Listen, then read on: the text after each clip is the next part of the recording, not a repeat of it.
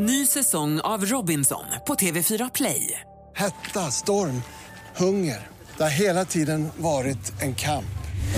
Nu är det blod och tårar. Fan händer just nu. Det. Detta är inte okej. Robinson 2024, nu fucking kör vi! Streama söndag på TV4 Play. Ska jag, det är din tur. Är det min tur? Om du ska säga så då, så är det så. Ja.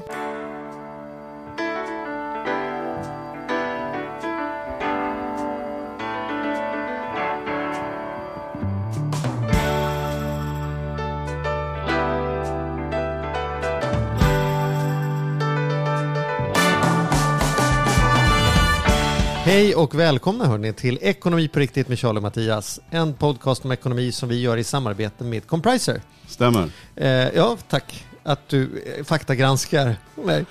Du brukar säga så, men när någon säger en sanning. Ja, Så brukar du säga, det stämmer. det stämmer. Ja. Kanon. Bra. Hörde du, vad ska vi säga om Compriser tycker Ja, du? men att de är en bra jämförelsesajt. Ja, Eh, där man verkligen, det finns också människor bakom. Mm. Det är inte bara en dator som man går in och, eh, och sen är det någon data som söker åt den. Utan man kan också få hjälp. Mm. Man kan också få hjälp med bytet när man konstaterar att man kan byta bank eller försäkring eller vad det Mm. är. Så kan man anlita dem för det. ja, de hjälpte mig med hela processen på mitt bolån och lite sådana saker. Ja, du ser. tänkte, Man måste ju testa själv innan man rekommenderar någon annan. Ja. Ja, kul. Och idag eh, har vi finfrämmat. Ska vi, har vi någon, så, något du vill säga innan vi kör igång? Nej, folk lyssnar ju inte på den här podden för att höra oss Nej, men jag bara tänkte, det är inget, vi har inget outtalat som du känner att du vill Nej, Jag tror inte vi har något outtalat. Vi har lite eller- datum vi måste planera in däremot. Ja. Lite privata datum, men det Ja. skiter ju lyssnarna i. Just det. Vi ska komma överens med, vi ska på en fest också, vi måste komma överens om present. Ja. Men det föreslår också att vi gör efter vi är färdiga Just med och sen är det inspelningen. student och sen så är det 40-årsdag. Just det. Så vi har mycket att pussla med. Vi pusslar med det. Men ska vi ta gästen först och sen Ja, återkommer tror vi till de punkterna? Jag tror det. Jävla tjatande. Ja. Vi, ja. Ja, men och kan då inte är det du ju... rulla in våran gäst då? Jo, men jag har ju tidigare sagt att det kan vara Sveriges bästa bankman. Mm. Eh, Jag vidhåller att det är så. Vi har ett undantag i Nyköping Mm. eh, som heter Rolf Åkvist. Som jag har sagt tidigare. Shout out Rolf. Men, men i övrigt så måste det vara Arturo Arquez, välkommen!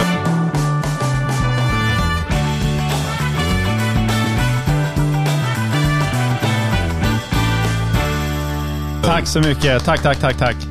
Jag har faktiskt på riktigt inte träffat någon som känns så påläst och, in, och nyfiken på, och in, så här, sugen på sitt jobb, eh, jädrigt påläst och rapp. Tack snälla. Och det är därför du är här för fjärde, femte gången. Det värmer att få höra. Tack, tack. Du är ju grym. Vad, vad har vi att säga? Vi, hade tänkt, vi har ju pratat mycket, ja, vi har pratat banktermer i, i stort, men vi har varit och snuddat på bostadsmarknaden och den är ju alltid så otroligt intressant. Det var ju lite i när vi gjorde detta förra gången. Då tryckte vi upp dig i ett hörn och sa, hur blir det nu? Kommer priserna gå upp? Kommer de gå ner? Hur mycket? Innerstad? Uterstad? Kommer du ihåg vad du sa då? Ja, allra sista gången, då kunde vi konstatera att jag hade haft rätt gången innan. För Ja. Då Ja. frågade, frågade ju Då samma sa du sak. och då sa jag 15 ner. ner. Ner, och det ja. blev det ju. Och så ställde Ja. frågan igen då efteråt. Ja. Då, sa jag till att jag trodde att det skulle stabiliseras. Och jag trodde inte vi skulle få se så stora rörelser, men att jag inte skulle bli jätteförvånad om det kanske kunde gå upp lite grann. Mm.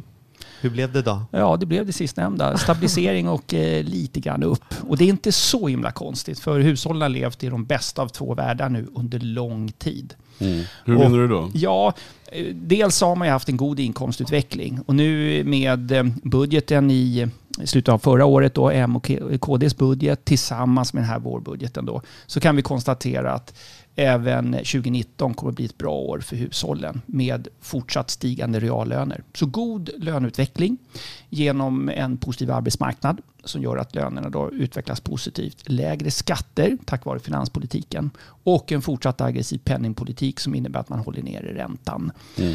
Eh, Det gör då att folk har fått mer klirr i kassan och det gäller även 2019. Är det, är det bra då? Ja, för bostadsmarknaden, allt annat lika, på kort sikt är det ju bra. Därför Mm. att folk får mer eh, pengar i plånboken och eftersom räntan hålls nere så hålls ju boendekostnaderna nere. Och det gör att man kan betala de här priserna och kanske lite till.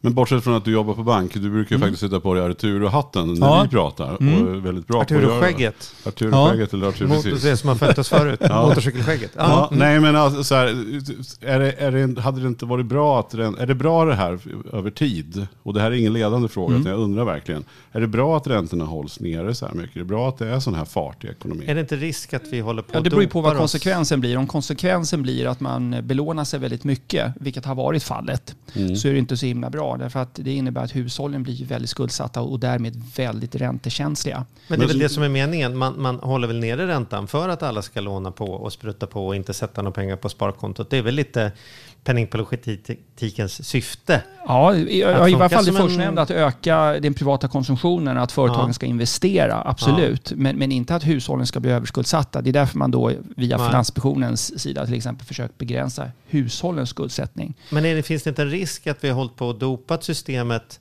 trots att vi har liksom goda tider? Att vi dessutom inte har, har så mycket mer att komma med? Om det skulle, när det, liksom vi är på väg in i en lågkonjunktur får man ju gissa, liksom, vi kan inte säga om den redan har hållit på att börja eller om det är en bit kvar. Men liksom, gasen är ju redan i botten. Det blir Ja. ju svårt att sänka räntan ytterligare om vi behöver... Det finns eh, det man kallar för samhällsekonomiska risker. Eh, och det är ju dels att eh, det blir en väldigt hög skuldsättning bland hushållen. Och det tror jag nog de flesta, inte alla, men de flesta är överens om att hushållen är högt skuldsatta. Och det är i sig inget problem så länge hushållen har liksom stora marginaler. Och det har man idag när räntan är låg. Men, och det är ett stort men, i händelse av att räntan går upp, då kommer hushållen behöva lägga en väldigt stor del av den disponibla inkomsten på boendet. Och konsekvensen av det eh, blir då att man får dra in på annan privat konsumtion. Resor, köpa kläder, köpa bilar och allt vad det nu kan vara för någonting. Och då eff- stannar Sverige på lite alla Ja, och ställen. effekten av det då blir ju att det säljs färre bilar, eh, restauranger får eh, sämre, färre besökare, det blir färre resor, det blir massa andra saker. Och eftersom den privata konsumtionen har fått ett allt större utrymme och har också en allt större betydelse för tillväxten i svensk ekonomi så kan det få samhällsekonomiska effekter. Men viktigt att komma ihåg då ur ett plånboksperspektiv och jag som privatekonom, jag eh, bryr mig naturligtvis om de frågorna också Charlie som du tar upp. Men framförallt så tittar jag ett liksom, konsumentperspektiv och då kan vi konstatera att det i sig är inget problem för hushållen om räntan går upp därför att bankerna använder sig av en kalkylränta på 7-7,5 procent. Lite grann beroende på vilken bank man går till. Och idag kan man låna rörligt på eh, 1,5 säger vi då, rörligt eh, på de flesta ställena och kanske till och med lite billigare om du är en duktig kund, eller bra kund med mycket lån och god återbetalningsförmåga. Och det är klart, även om du binder på fem år så pratar vi om kanske 2,3 procents ränta. Under 3 på 10 år. Fantastiskt låga nivåer historiskt sett. Och eftersom bankerna räknar på 7-7,5 så finns det ju jättestora marginaler. Även i händelse att räntan går upp. Så att det är klart, det ska ju upp väldigt mycket innan så att säga, kalkylen inte går ihop. Men som sagt, problemet idag är att hushållen har ju anpassat sitt konsumtionsbeteende efter dagens låga räntor. Så går räntan upp, då är det ju många som kommer behöva strypa annan privat konsumtion. Och det är tror, då man det påverkar. klar, tror du man klarar det då? För att det är ju liksom, som du säger, vi har räknat med 7% men Mm. vi använder bara 1,5%. De där pengarna emellan, de flesta har i ärlighetens namn inte satt dem i sparande utan de har ökat, vi ökar vårt resande och vi köper finare viner och vi unnar oss liksom åka taxi hem från krogen istället för nattbussen. Det är inte så lätt att backa på det Nej. där om man ska prata om våra gamla Lyxfällan-erfarenheter. Det är inte, det, när man väl har vant sig vid någonting kan det vara nog så svårt att helt plötsligt liksom dra i svångremmen. Ja, Liksom. och här, här blir det intressant, för jag, för jag är ju beredd att dela er uppfattning. Alltså den erfarenheten som ni har från Lyxfällan, den eh, har jag lättare att känna igen mig i själv, men också när jag tittar på min omgivning. Eh, jag menar, i, enligt skolboken så, så är det bara att styra om sin privata konsumtion. Men jag tror inte att det är så bara heller. Har man anpassat, alltså har man levt nu under väldigt lång tid med den här låga räntan, då har man ju vant sig vid att kunna gå ut och äta ett par gånger i månaden. Resa kanske inte bara en gång om året utan kanske resa utomlands två, tre gånger om året och vad det nu är för någonting vi unnar oss. Och att ställa om, det tror jag blir rätt smärtsamt för många. Det går, men det blir smärtsamt. Och sen finns det de hushållen som kommer att få svårt, som kanske har köpt ett dyrare boende än vad de egentligen borde. Därför att de har utgått ifrån den här lägre räntan. Och, ut, och kanske inte tänkt att man behöver ha ett sparande för att bilen slits eller Mm. att eh, hur villan ska renoveras och sådär. Att man inte riktigt tagit höjd för det. Men, men jag minns när vi pratade bostäder sist, det lät då som att du jag hade en, sån här, en mer negativ, alltså att du, det fanns en mer varnande känsla då. Vi pratade i samband med amorteringskravet och sådär. Ja. Du var, det lät som att du var mer rädd för att bostadsmarknaden det skulle spricka eller gå ner. Eller, eller i alla fall var hela känslan Mm. Ja. där när vi gjorde den podden. Ja. Alltså att samhället skrek, ta det lugnt, nu kommer bostadsbubblan, vi ser, så här, nu, nu håller det på att spricka. Jag hör inte riktigt det nu. Och jag hör det inte när jag tänker, när jag pratar Ja. runt i medierna.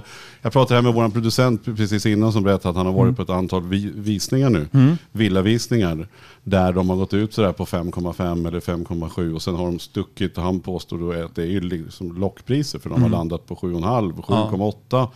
Vilken en enorm höjning. Ja. Det känns som att nu eldar vi på igen. Så Ja. Är det Jag det var som ju- är, så Frågan är så här, är det den känslan? Ja, vad- alltså vad det finns ju olika perspektiv. Alltså jag försöker hela tiden tänka framåt. Mm. Inte liksom där vi står idag. Och, och mycket av den informationen vi har idag är, baseras ju på historiska data. Och som vi pratade om tidigare så trodde jag att priserna för tidigare, alla första gången vi pratades vid, att det skulle ner. Det gjorde det också. Sen tittar man ju på, okej nu har priserna kommit ner, räntan är fortfarande låg och hushållen fortsätter att få en bra inkomstutveckling. Man fortsätter att sänka skatten, det sjätte jobbskatteavdraget till exempel, i slutet av förra året. Och andra saker. Man sänker, höjer grundavdraget för pensionärer och så vidare. Så det gör att man skapar ett större utrymme. Och arbetsmarknaden ser bra ut för de allra, allra flesta yrkesgrupper. Så att förutsättningarna ser lite bättre ut. Och som sagt, priserna kommer ner. Dessutom så ser vi ju en anpassning, inte minst av prissättningen på nyproduktion. Och jag skulle inte bli förvånad också om, om nyproduktionen faktiskt börjar anpassa vad som byggs till efter vad som verkligen efterfrågas. Jag tror att marknaden är ganska mättad i storstäder med fina lägenheter med hög standard på väldigt dyra adresser. Utan nu gäller det att försöka producera enklare bostäder. Inte nödvändigtvis eh, undermåliga på något, tvärtom. Högkvalitativa men, men inte så superflashiga i områden och, och platser där marken inte är vansinnigt dyr. Inte bara CD3 och takterrasser. Nej, utan, liksom, eh, Just det. anpassat efter liksom plånboken för skilda, Mm. för unga som ska in på bostadsmarknaden för första gången. Så att vi börjar se, jag tror vi kommer få se en bättre balans framöver. Men det, det står och väger, det skulle jag säga. Kan, Det kan det lugna sig lite också eftersom valet är, är över och all oro som var kring den här nu med, med regeringen. Att nu har det liksom någonstans satt sig lite, landat något. Det, det kan bidra, men jag tror att den, den stora eh, och viktiga... Jag tror att om man tittar på Riksbankens eh, ränteprognoser nu senast så justerar man ju ner prognosen. Det var ju ganska ska säga, tippat att det, skulle bli, eh, att det inte skulle bli någon justering av ränt, alltså styrräntan. Man höjde inte styrräntan och det var väntat att man skulle göra det nu. Eh, nu är ju tolkningen snarare att det inte blir i september utan att det kanske dröjer ytterligare några månader. Men den viktigaste signalen tycker jag från eh, Riksbanken det var att man ändrade lite grann sin ränteprognos eh, som nu visar att vi kommer nog ha lite längre period än vad man tidigare har kommunicerat med lägre ränta. Och det är klart, det ger ju folk andrum och utrymme att sätta igång och göra det här som Charlie och jag så varmt snackar om. Att passa på att använda mellanskillnaden mellan bunden ränta och rörlig ränta till att amortera extra. Eller ta inte för givet att räntan alltid kommer att vara på den här nivån utan försök att amortera mer. Och det ser vi nu. Som svar på frågan varför jag kanske låter lite mer positiv än vad jag var tidigare. det är att vi ser att allt fler inser värdet av att amortera. Och vi har också sett att fler binder eh, lånen numera. Och, och, det och jag kan förstå, jag menar, har du stora marginaler i hushållsekonomin, då behöver du inte springa benen av det för att göra det. För att du har stora marginaler och tål en, en, en ordentlig ränteuppgång. Men om du redan idag upplever att du har eh, halvtaskiga marginaler och känner att i händelse att räntan går upp så kommer jag få strypa en stor del av den övriga privata konsumtionen. Då kan det vara smart med tanke på att räntan är historiskt jättelåg, förmodligen passerat botten och vi har en flack räntekurva. Det vill säga marginalkostnaden att binda det för längre löptid är inte så vansinnigt dyr i ett his- historiskt perspektiv. Då kan det vara vettigt, i synnerhet om du bor i en bostadsrättsförening med hög skuldsättning, att kanske binda hela eller delar av lånet, i varje fall delar av lånet, om det är så att du har små marginaler. Vi hade ju ett besök ifrån eh, eh, en bankgranskare, eller en kritisk Mm. person i Joel som skrivit eh, Bankbluffen. Han eh, hade en ny spaning om det här, att det var lite farligt att binda en del av lånet Eh, hos banken. Han sa att, att eh, han hade sett eh, undersökningar som tydde på att om man har bundit en del av lånet i banken, ja då är det väldigt svårt att byta, byta bank och därmed så kanske smyghöjningen sker eller det är svårare till en bra ränta på den rörliga delen för man vet att man sitter fast med den banken. Nu, nu, nu liksom, har han en poäng med det tror jag, tror generellt sett att, att, för jag menar hur mycket fastnar jag och förlorar min rörelsefrihet är ju också en sak att tänka på när jag binder lånen va? Ja, det är klart, rent taktiskt så eh, är det ju bra om du kommer till en bank med rent bord och säger att det här är, jag har två miljoner i lån.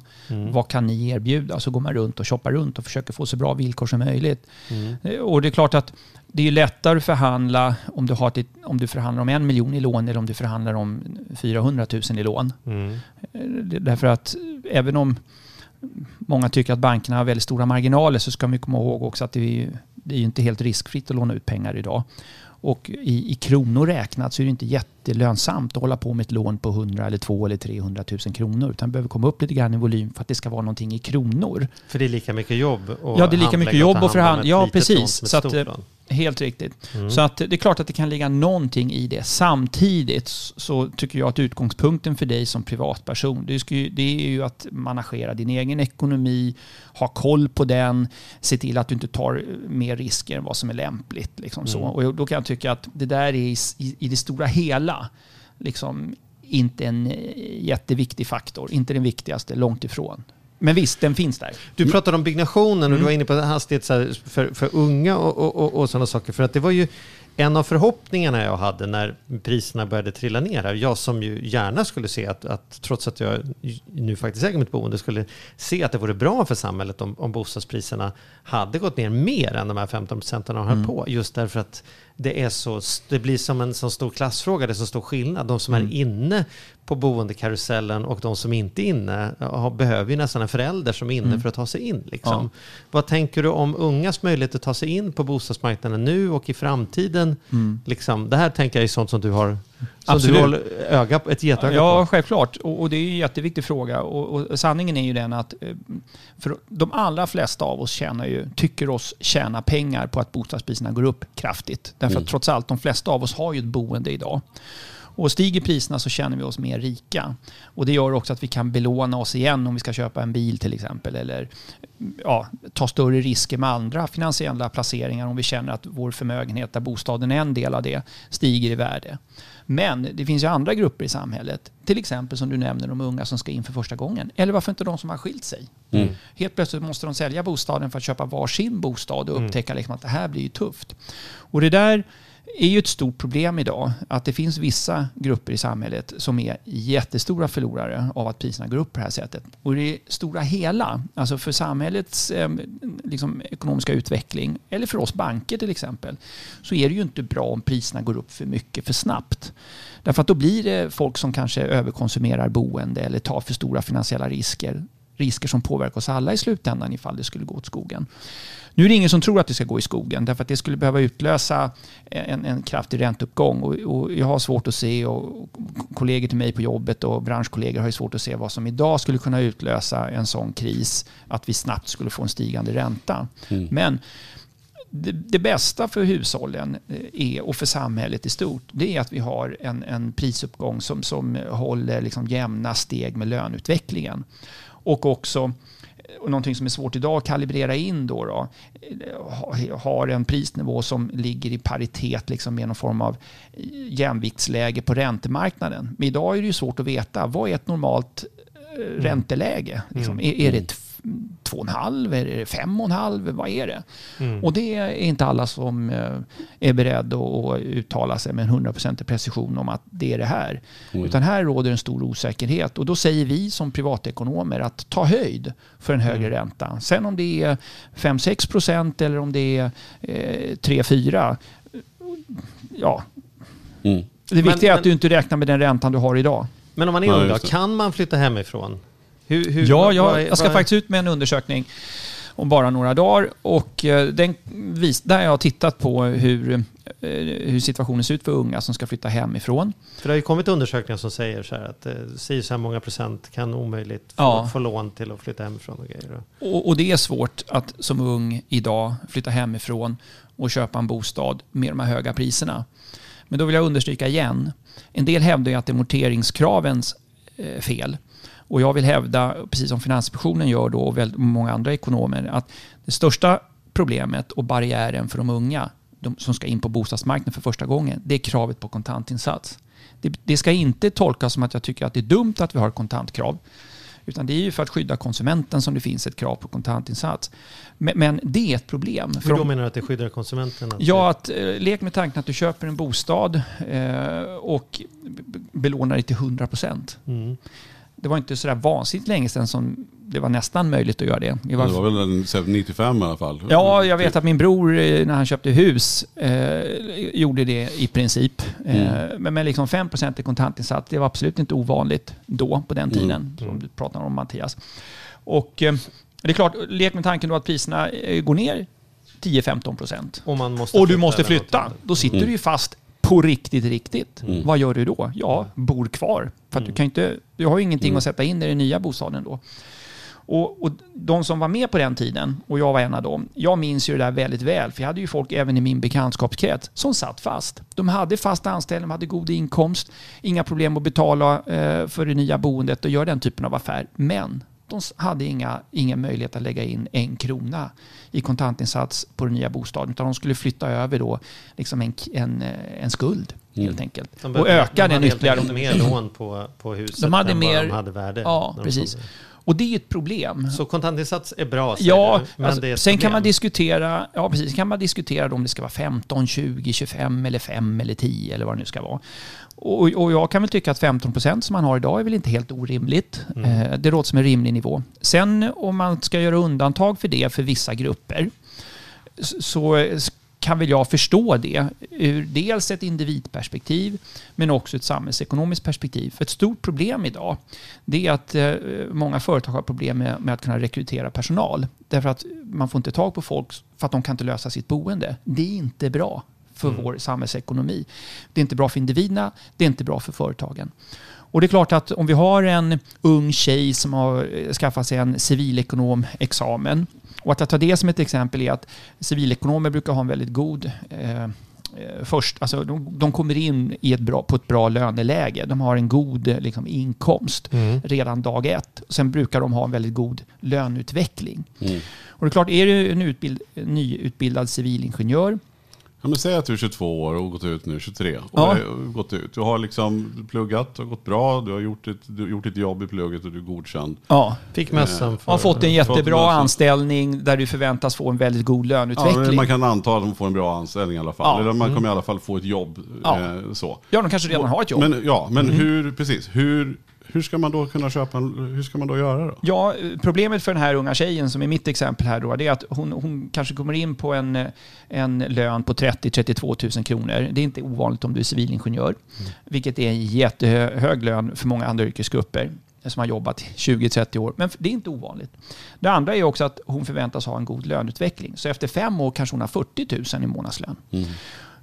Det, det får inte hon betalt idag. Det får inte hon, hon får alltså inte hon kan inte utnyttja det liksom när hon söker en kredit, utan det bankerna tittar på det är hennes återbetalningsförmåga idag. Och problemet för de unga idag är att de har oftast en lägre lön än de som är äldre. Eh, och man har inte så mycket man kan lägga in i kontantinsats. Om man till exempel som i Finland då eh, kan göra undantag på kravet på kontantinsats och låta yngre som har en god utbildning och som förväntas ha en god löneutveckling, till exempel här tjejen som var civilingenjör, låta dem då komma in eh, med 5% i kontantinsats. Ja, då är den finansiella risken i det korta perspektivet högre. Men med den förväntade löneutvecklingen och möjligheten att kunna amortera mycket, för då ökar kravet på amorteringstakt om du har den typen av belåning. Du måste amortera mer. Ja, då Men kanske det man kan stå ut med det. vill göra, precis. Ja. Det kan man ju få gott få göra då. Exakt, nu så ändå- det skulle kunna vara till exempel en, en, en, en, en fråga som man har löst på det sättet i andra länder och som man eh, kanske tar upp för diskussion här. Samtidigt så som privatekonom är man ju inte helt odelat positiv till en sån sak för det innebär att du ökar den finansiella risken för den här individen i det korta perspektivet. Så att det, är inte, det är en svår fråga. Ja, Men är det, vad, vad är det din, eh, när du släpper material om detta nu Ja, dagarna, vad- det jag har är gjort det är att jag har tittat på hur ser möjligheten ut för en person, en ung människa mellan 18 och 24 som bor i Stockholm, Göteborg och Malmö. Mm. Vilka, dels eh, vilka förutsättningar och möjligheter finns det för dig att skaffa tak över huvudet? Och tak över huvudet här är en bostadsrätt på ungefär 35 kvadratmeter boyta. Och du belånar dig till, med dagens regler, då, 15 procent och de amorteringskrav som gäller idag. Vilken, löneinkomst, eh, vilken, vilken månadsinkomst krävs för att det här ska vara okej? Och då, mm, lite förenklat kan man säga att i, i Malmö är det här inget problem, för det räcker med 22 000 kronor i månaden före skatt. Men i Göteborg och i Stockholm så krävs det en inkomst på ungefär 28 000 kronor i månaden. Och det är ju långt ifrån... Men, eh, och, men då måste du ändå ha de där 15% och procenten. då måste du ändå ha de här 15 procenten, så du har fortfarande det problemet kvar. Och då, då har jag dessutom med hjälp av Statistiska centralbyrån då listat ett antal eh, yrken med, med genomsnittslöner för de här 18 till 24-åringarna. Allt från ambulansförare till eh, sjukvårdspersonal. Ja, en massa. Jag tror det är 32 eller om det är 34 olika yrkesgrupper då. Genomsnittslöner och medianlöner för de här grupperna. Eh, och då visar sig att det är svårt men det är inte omöjligt om du kan acceptera pendlingsavstånd från city.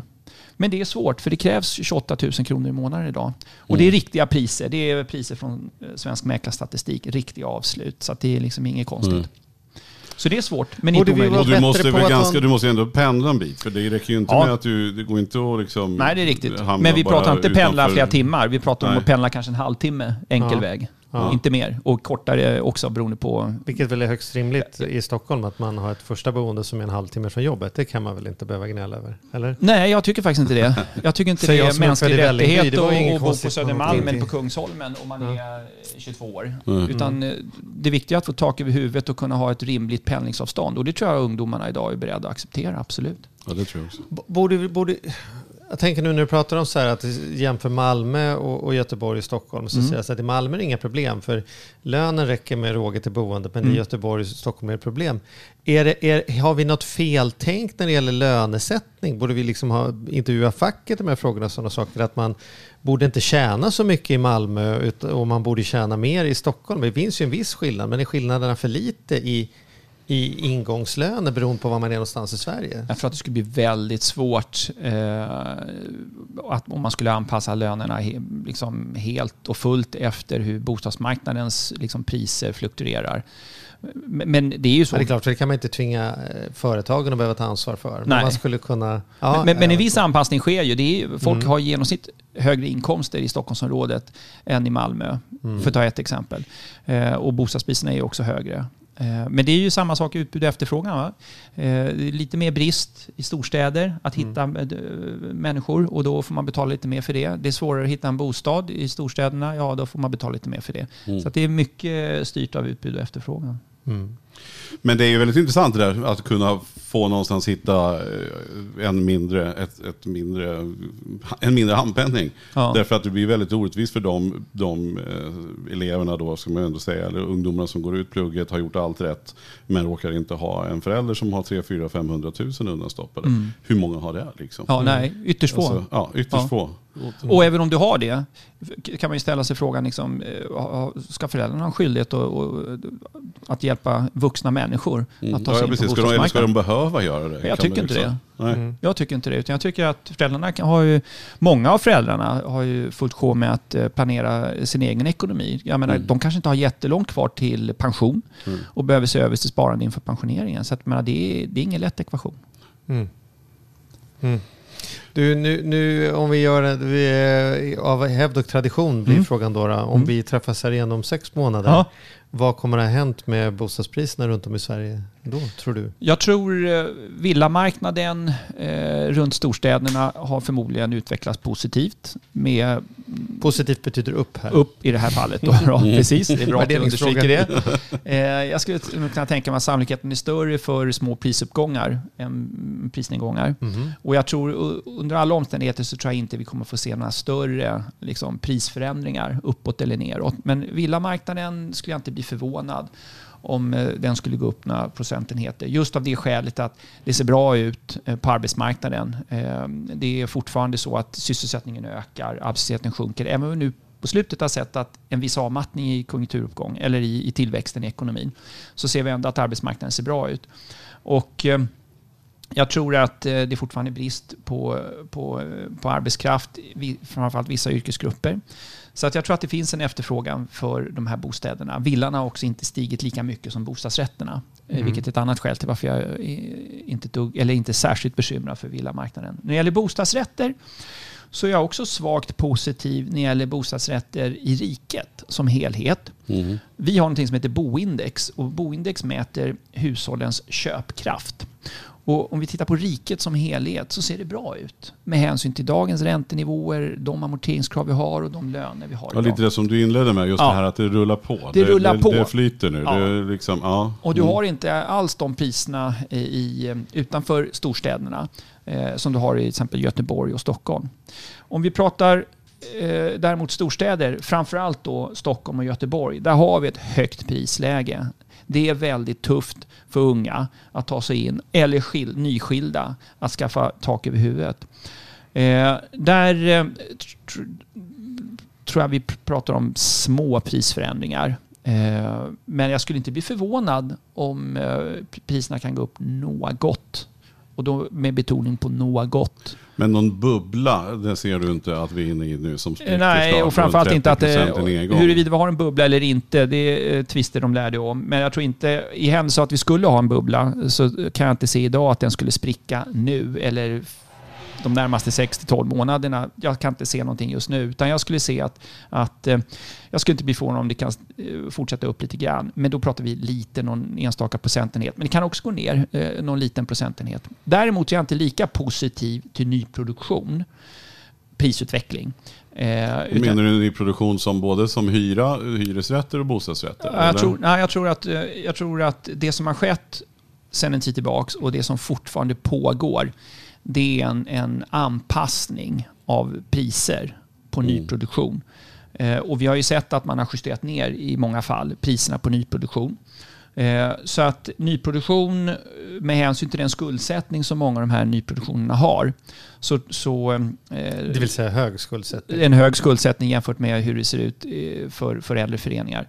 Så skulle jag inte bli förvånad om, om priserna för nyproduktionen ligger stilla till exempel. Mm. Men små förändringar skulle jag säga i Hur är stalltipset. det med nyproduktion överhuvudtaget? Är, alltså, skulle du köpa nyproduktion? Ja, jag skulle inte- skulle, eller, För, för mig, och det är också en sån här sak som, som vi har ju gjort många utspel kring det här med hur man som konsument ska tänka.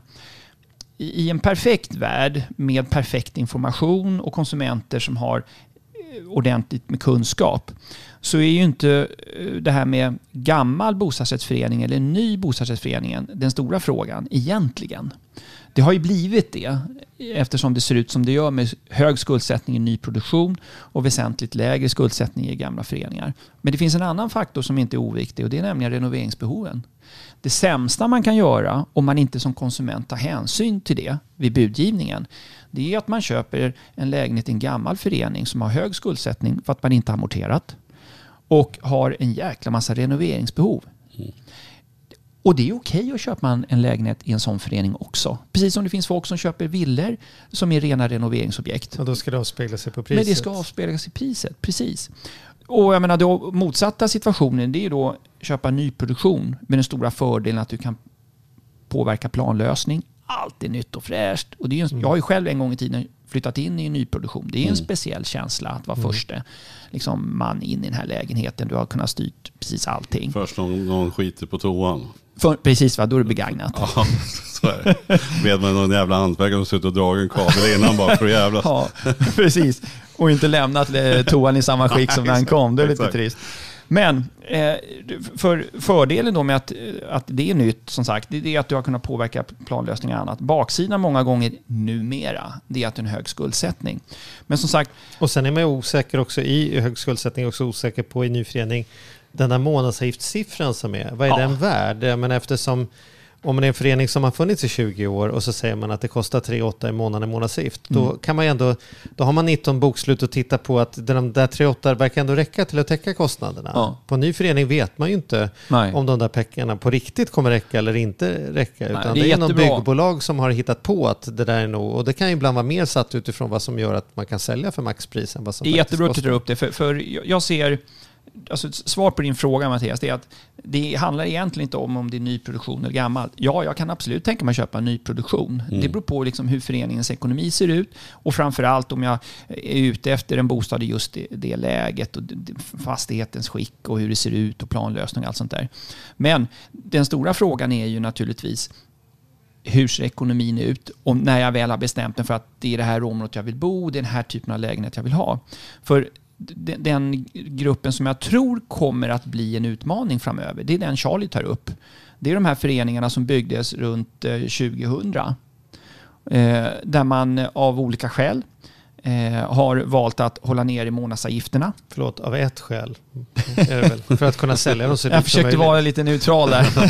men men av, av flera skäl då, då valt att hålla nere månadsavgiften för att då, eh, eller så här ska jag uttrycka det, man, man, har, man har hållit ner månadsavgifterna för att kunna sälja dem dyrare. Mm.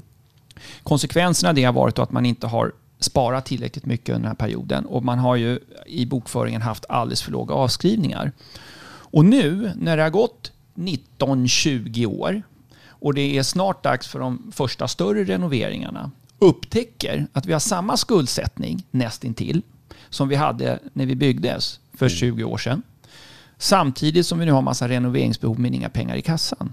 Det, konsekvenserna av det blir att man behöver gå till banken och låna ännu mer. Lek då med tanken att räntan skulle gå upp om 5-6 år. Samtidigt Det är som ingen bra kombo. öka. Det är ingen Nej. bra kombo. Nej, och, och, det, och det är den gruppen som jag tror att det finns en fara eh, i. Eh, Just av de skälen som Charlie nämner, att det, det, hittills har det ju funkat och då invaggas man kanske i en trygghet, ja men det här ser ju bra ut. I den här gamla föreningen, som förvisso har massa renoveringsbehov, där har man förhoppningsvis då haft en schysst avskrivning, man har haft eh, ett schysst, hyfsat schysst sparande i varje fall. Därför att man har haft en lägre skuldsättning och kunnat unna sig ett högre sparande utan att behöva höja avgifterna eh, jättemycket. Mm. Och, och där tror jag det finns eh, någonting där Mm. konsumenten speciellt behöver eh, granska. Och det är ju det- av det skälet vi tog fram checklistan vid köp av bostadsrätt. Och även det här med ekonomideklaration. Att du med färg, med olika färger och betyg eh, får hjälp som konsument med att bedöma huruvida föreningens ekonomi är bra eller inte. Mm. Ja, Återigen, det där, det där kan vi sagt förut, men det, alltså, åter, när ni ska köpa, se till att prata med någon om, om ni inte förstår det på själva. Ja. En resultat och balansräkning från föreningen, men titta noga innan ni köper på Ja. föreningen. Det är så lätt att bara titta på pris Ja. och månadsavgift. Och så Mm. tänker jag att ja, men här är billig månadsavgift, det här blir skitbra, nu kör vi. Men eh, ofta i och för sig så har man en låg månadsavgift för att det är en schysst ekonomi i föreningen. Men det Ja. behöver inte alltid vara så. Det behöver absolut inte vara så. Det intressanta också är att även eh, sådana organisationer som till exempel HSB har börjat uppmärksamma det här. Mm. Vi gjorde ju det här redan för ett antal år sedan och fick faktiskt en hel del kritik, inte minst från branschen. För att vi tog upp det här med risk för kraftiga eh, höjningar av årsavgifter och att sparandet var alldeles för dåligt. Eh, Men nu börjar vi höra från andra organisationer att Håll koll på föreningens skuldsättning, håll koll på renoveringsbehovet, se till att det finns i sparande. Och det du nämnde Charlie, att ta inte för givet att den månadsavgiften som föreningen har idag, att den är hållbar. Mm. Och att den återspeglar, som du nämnde Mattias, föreningens ekonomi. Det kan ju vara så att en låg Mm. avgift återspeglar en god ekonomi, men det är inte självklart. Eh, Då undrar jag, det vi inte har pratat om, eh, fritidshusen. Vad, vad, vad tror du om, om fritidshusens vara och icke vara? att säga? Följer de liksom övrig marknad eller Ja, lever de ett litet eget Hyggligt, liv? hyggligt följer Ja. de. Eh, Ja. Men det har inte varit lika, så att säga, hypat som bostadsrätter. Det är framförallt bostadsrätterna som har stigit eh, väldigt mycket. Mm. Och jag har faktiskt funderat, nu har jag inte lagt ner vansinnigt mycket tid. Jo, det har jag. Men jag, jag, Inte sjukt. jag, skulle, jag känner att jag skulle behöva lägga ner lite mer tid på, på um, att fundera lite grann kring det här med om det var, om det var så att det var felprissatt från början. För jag funderar mycket på det här. Varför, hur kan man säga att bostadsrätterna de senaste 15 åren har stigit 40% mer än, än småhusen? Liksom? Var det felprissatt, är det felprissatt nu eller var det felprissatt då? Kan det inte delvis också bero på, alltså, konsum- alltså ur ett mer konsumentperspektiv, livsstilsförändring? Att vi lever hetsigare liv där vi vill ha mer frihet att resa och göra saker. Om man tänker så här, "Pff, hålla på med ett hus, vet du, det är trädgård som ska skötas och renovering. Alltså att man faktiskt upplever att även om det ekonomiskt inte är, är mer lönsamt att bo i bostadsrätt än att bo i villa, utan att man, vin, att man tar igen det på en del andra faktorer. Det kan det vara. Sånt Det- som har det- påverkat prisförändringen. Så som sanningen brukar vara, eh, det finns ett antal olika faktorer. En kan vara urbaniseringen naturligtvis, att folk flyttar in till storstäder i större utsträckning än, än, än kanske tidigare. Jag är inte helt säker på att det är en jättebra förklaring. Eh, Därför att det där har man hört förut, sen har jag hört från andra liksom att "Ah, men det där stämmer inte riktigt. Så, men visst, det skulle kunna vara en delförklaring. Sen kan det ju bara rent finansiellt också att eh, om räntorna går ner och du har en skuldsättning i bostadsrättsföreningar så får du en större hävstång när räntan går ner om du har köpt en bostadsrätt. Det kan vara en annan förklaring. Va? Du får betalt, för det är som en option. Och villamarknaden är mer som en aktieaffär eller som en terminsaffär. Lite teoretiskt där, men liksom så. Så jag kan förstå Men det. jag kan säga att, att om, om räntan går ner så har ju bostadsrättsföreningen kanske kan jag lån på 100 miljoner. Ja. Och då går ju räntan ner på alla de 100 Ja, miljonerna. Precis. Så det gör ju att det blir ännu mer man tänker att värt att investera för att Ja. det är mycket pengar som man får rabatt på. Det är Liksom. en bra förklaring. Och, och, då- så det, det tror jag skulle, skulle kunna kunna vara en vara en förklaring. faktor. Ja, det kan vara en Mm. förklaring. Och sen just det där att eh, livstidsförändringar, man kanske inte vill lägga ner tid på att eh, ta hand om ett hus. Jag tror att det är också en sån här sak som många som köper hus kanske underskattar. För många gör så här, ja men det är lika bra att köpa hus eh, därför att det är nästan lika hög boendekostnad som att köpa lägenhet. Men huset är dubbelt så stort. Då brukar jag säga så här, ja, men vad har du lagt in i kalkylen? Mm. Och då visar det sig liksom att ja, men räntamortering det är med. Och fastighetsavgiften är med. Sophämtning är med. Men inte eh, posten reparationer och underhåll. För den är ju inte alltid med fullt ut i bostadsrättsföreningar. Men den är ju med i bästa fall fullt ut och i sämsta fall kanske till hälften. Så att det är som att jämföra äpplen och päron. Och då Och brukar hur mycket du än lockas om du bor i en lägenhet så kan du inte bygga en fet altan. Mm, Nej. just det. Den Så att du. Du brukar säga, lägg in den posten också för, för eh, villakalkylen så kommer du upptäcka att eh, det kostar mer i kronor att bo i villa. Inte i kronor per, kva, per kvadratmeter boyta, men liksom totalt sett. Eh, så att det kan vara en annan förklaring. Mm. Mm. Det är bra svar. Frågan var dock på fritidshus. Ja. Den, snubblade vi förbi lite. Ja, eh, och där har vi inte sett samma prisuppgång som eh, vi har sett på eh, permanent boende. Mm. Och jag har ingen jättebra förklaring till varför det ser ut så och har sett ut så. Men Jag vill ju slå ett slag för det, för jag tycker jag har, Ja. jag har den lyxen att få ha det bästa av två världar tycker jag. Ja. Mm. Jag har en lägenhet i stan och jag har ett litet torp på vischan. Eh, och jag vill tänka så här att, ja. Här är veckans lyxtips för den som har det bra. Ja, lyxtips. Nej, men jag bara Ja. tänker att du, alltså, det, jag får ju inte ens, för det där torpet så får jag ju inte ens toan på alltså motsvarande pengar. Ja. Och jag klarar mig alldeles utmärkt. För jag kommer, har, har bott i, i, i torpet nu en vecka och är väldigt mycket där. Och Mm. Ja. tänker att jag har ju det jag behöver ha här. Ja. Det är liksom så här, i värsta av världar, vad skulle hända? Ja, men då kan jag ju bara bosätta mig här, så jag är ju hemma liksom. Ja. Och det är ändå inte så långt från stan. Det, det, en fråga jag, till dig Mattias då. Skulle det kunna vara så att nu är det så höga bostadspriser för de som köper den här bostadsrätten i storstaden Mm. att det blir inga pengar över för att köpa det här fritidsboendet. Så det får helt så. enkelt stryka på foten. Kan inte det vara en förklaring? Ja, det kan vara. Men jag tänker att ett sätt att komma in och ska- skaffa sig ett billigt boende, om man nu ska säga så, ändå ett fritidshus. Det behöver ju inte vara så långt utanför stan. Mm. Nej. Visst, den kommer pendling och... Nej men jag säger, jag bara suttit och tänkt på det när jag ska prata här. Att jag har ju blivit så här, ja men skulle man göra så, tänk man skulle, skulle man skaffa sig en övernattare här i stan istället och göra det lite tvärtom. Bygga en större altan på, på fritidshuset. Nej men alltså det går alldeles utmärkt att bo där. Eh, jag vet inte bara så här med trender och, och saker och vi ska flyga mindre och kanske ägna mer tid bara på vischan, ha lite mer tid till oss själva glesbygd. Jag tror att de, som gör, är det, de den- som gör det kallar det nog inte för vischan. Skulle jag. Nej, är vad kallar de det för? här. Ja, landet då. Ja, Ja, men jag hade ingen Ja. värdering det. Nej. Jag älskar ju det. Jag, är, Du jag, älskar är- vischan? Du brukar påstå att jag är en skogvaktarson och det Ja. är jag ju. Jag är ju Ja. uppväxt i skogen. Det är inte Ja. svårare än så. Ja. Och därför kanske jag gillar extra mycket. Ja. Det kanske passar mig extra bra i livet just nu. Därför att barnen börjar bli större. Så att det är klart att just nu så är jag inne på hur man att det är så bra att ha ett sånt litet. Men, återigen, jag fattar, man ska vara glad att man har ett boende. Men, Ja, precis. Jag tror att det är lite grann det. Och sen, men jag, det var ju mest det jag var ute efter, varför Mm. jag frågade var just det här med prisuppgång. Tänk om det är så att fritidshusen faktiskt ligger för att komma in på marknaden. Det var Mm. därför jag tänkte det var intressant. Och då säger du att den ökningen har inte skett så på samma sätt. på samma sätt som Ja. gör att det, det kanske kommer att hända. Ett, Det kan inte uteslutas, absolut. Någonstans så brukar man ju hitta liksom ett, när, när eh, prisutvecklingen divergerar för mycket så brukar komma liksom till en period när det där går, återgår liksom till, eh, Mm. till, till ett liksom mer eh, likartad prisutveckling. Jag tänker på en annan sak också. Det, här resonemanget som du för, det förutsätter ju att det finns en bra infrastruktur. Menar, om du bor i en liten... Leka med tanken att det är så vansinnigt dyrt att köpa en stor bostad i Stockholm. Och så väljer man att skaffa en mindre bostad för att kunna ha råd med boendet. Och kompletterar istället med ett fritidshus i Norrtälje. Då förutsätter ju det att det finns hyggliga, eh, en hygglig infrastruktur. Så att Mm. du kan ta dig till och från Norrtälje eh, och liksom till ditt andra boende. Och det, det kanske funkar i Norrtälje, men det kanske finns många andra platser i landet där det är lite svårt att kombinera det här. Mm. Och bor du utanför storstäderna, ja då kan du få båda i ett boende om du köper det här huset Mm. i var nu är någonstans. Som jag bodde Ja. ute på landet. Ja. Ja, nej, men jag, jag tycker jag ser för jag har mitt Mm. torp söder, söderut och åker ner mot, mot Gnesta dit ändå pendeln Mm. går. Om man utgår från Stockholm. Och där är det så häftigt att se de här småorterna som Järna och Mölnbo. Jag vet inte ens om ni har hört talas om dem.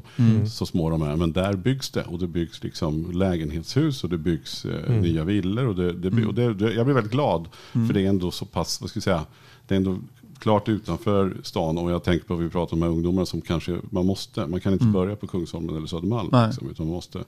Och jag det tror är att rätt häftigt ändå tycker jag att det växer ut. Absolut, och jag tror att ur ett politiskt perspektiv så tror jag också att det är någon sak som man, som man liksom ihärdigt diskuterar.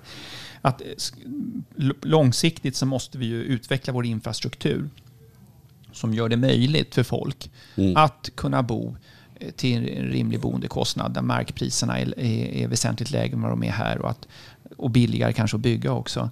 Eh, Och gör då det möjligt genom att till exempel bygga ut infrastrukturen så att du inte är beroende av att bo inom en radie av vad det nu kan vara, x Mm. kilometer Precis. eller någon mil.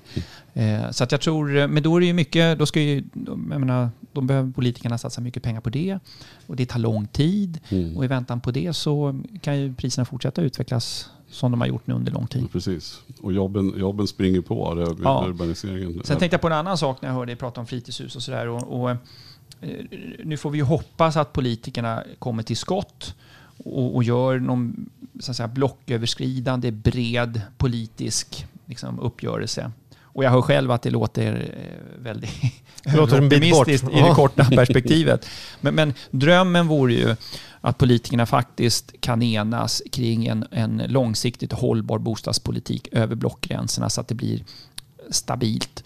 Eh, och, Vad är det för beslut som fattas Ja, där? alltså jag tror att det är så otroligt på? mycket. Jag har respekt för, eh, för många klagar ju och gnäller ju på våra eh, kära politiker, och, och, det, och det, vilket jag har stor förståelse för. Samtidigt har jag också förståelse för den situationen som politikerna be, befinner sig i, därför att det, jag tror att det är vettigt att man eh, inte bara tittar liksom på en specifik fråga. Ta frågan om ränteavdragen.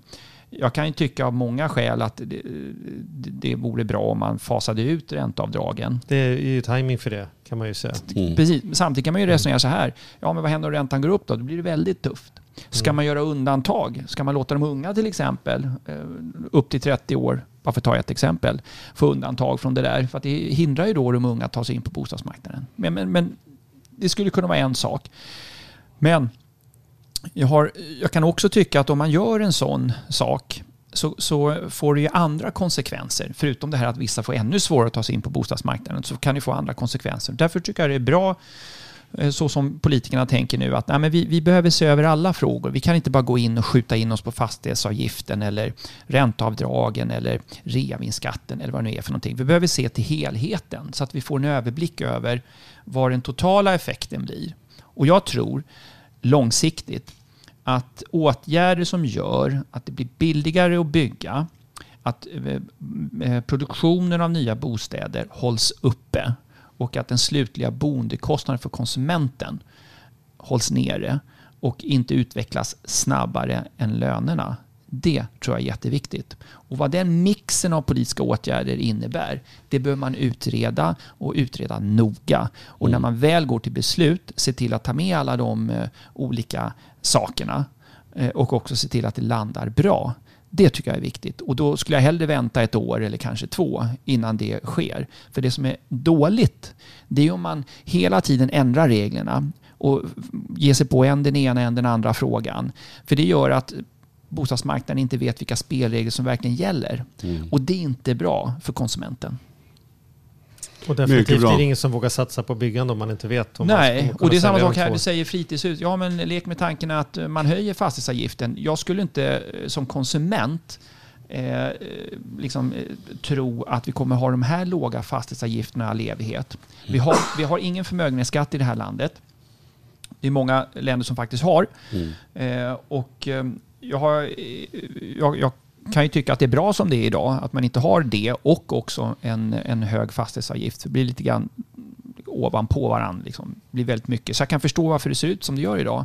Men av det skälet, om man väljer att inte ha en, en förmögenhetsskatt i framtiden, så tror jag att man som konsument inte ska vara främmande för att fastighetsavgiften kan, kan stiga. Och det är klart att ska du betala fastighetsavgift också på, fastighet, på eh, fritidshuset, precis som eh, en bostadsrättsförening har betalar en fastighetsskatt, så eh, blir det ju väldigt mycket och då ökar ju boendekostnaden. Så att jag tror att att se över helheten, det tror jag är viktigt. Och som konsument vara medveten om att förutsättningarna kan ändras. Så se till att du har en viss marginal. Och då är en bra marginal, det är den här med kalkylräntan på 7% För det är liksom, då, har, då har man lite marginal i hushållsekonomin. Och det tror jag är bra för konsumenten. Snyggt.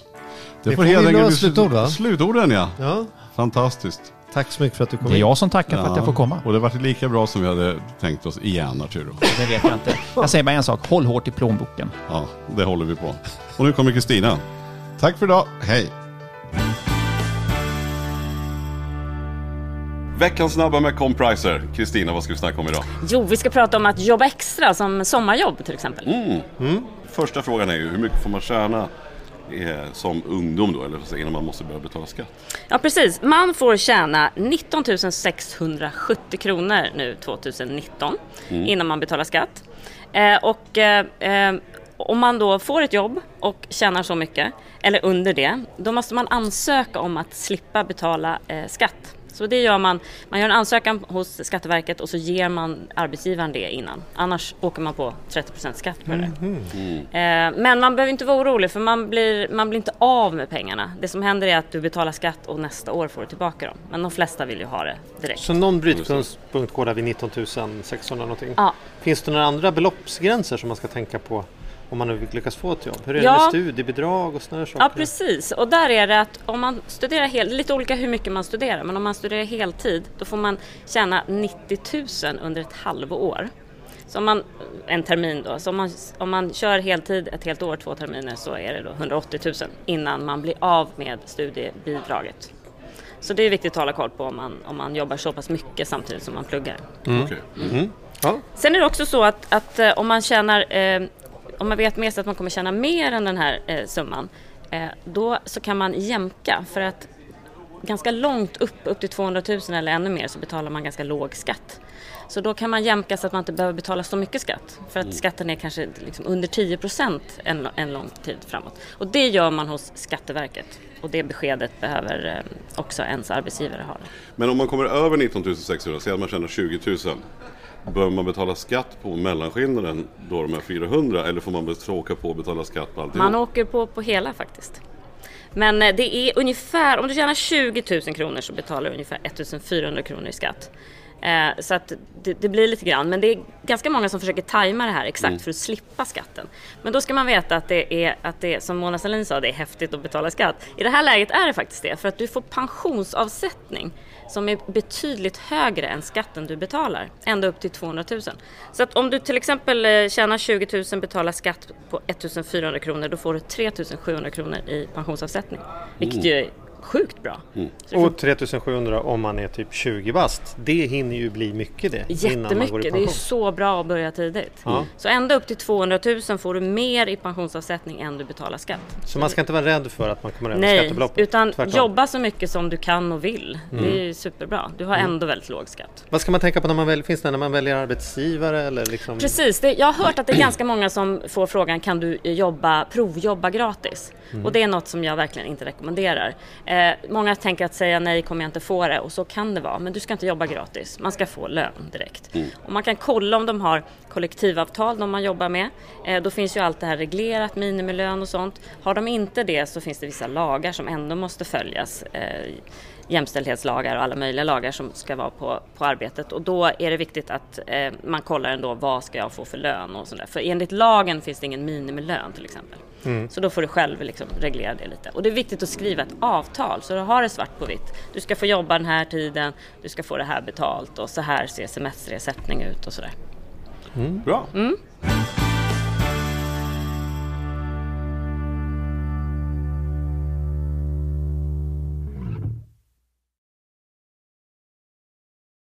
Ny säsong av Robinson på TV4 Play. Hetta, storm, hunger. Det har hela tiden varit en kamp. Nu är det blod och tårar. Fan händer just det. det detta är inte okej. Okay. Robinson 2024, nu fucking kör vi. Streama söndag på TV4 Play.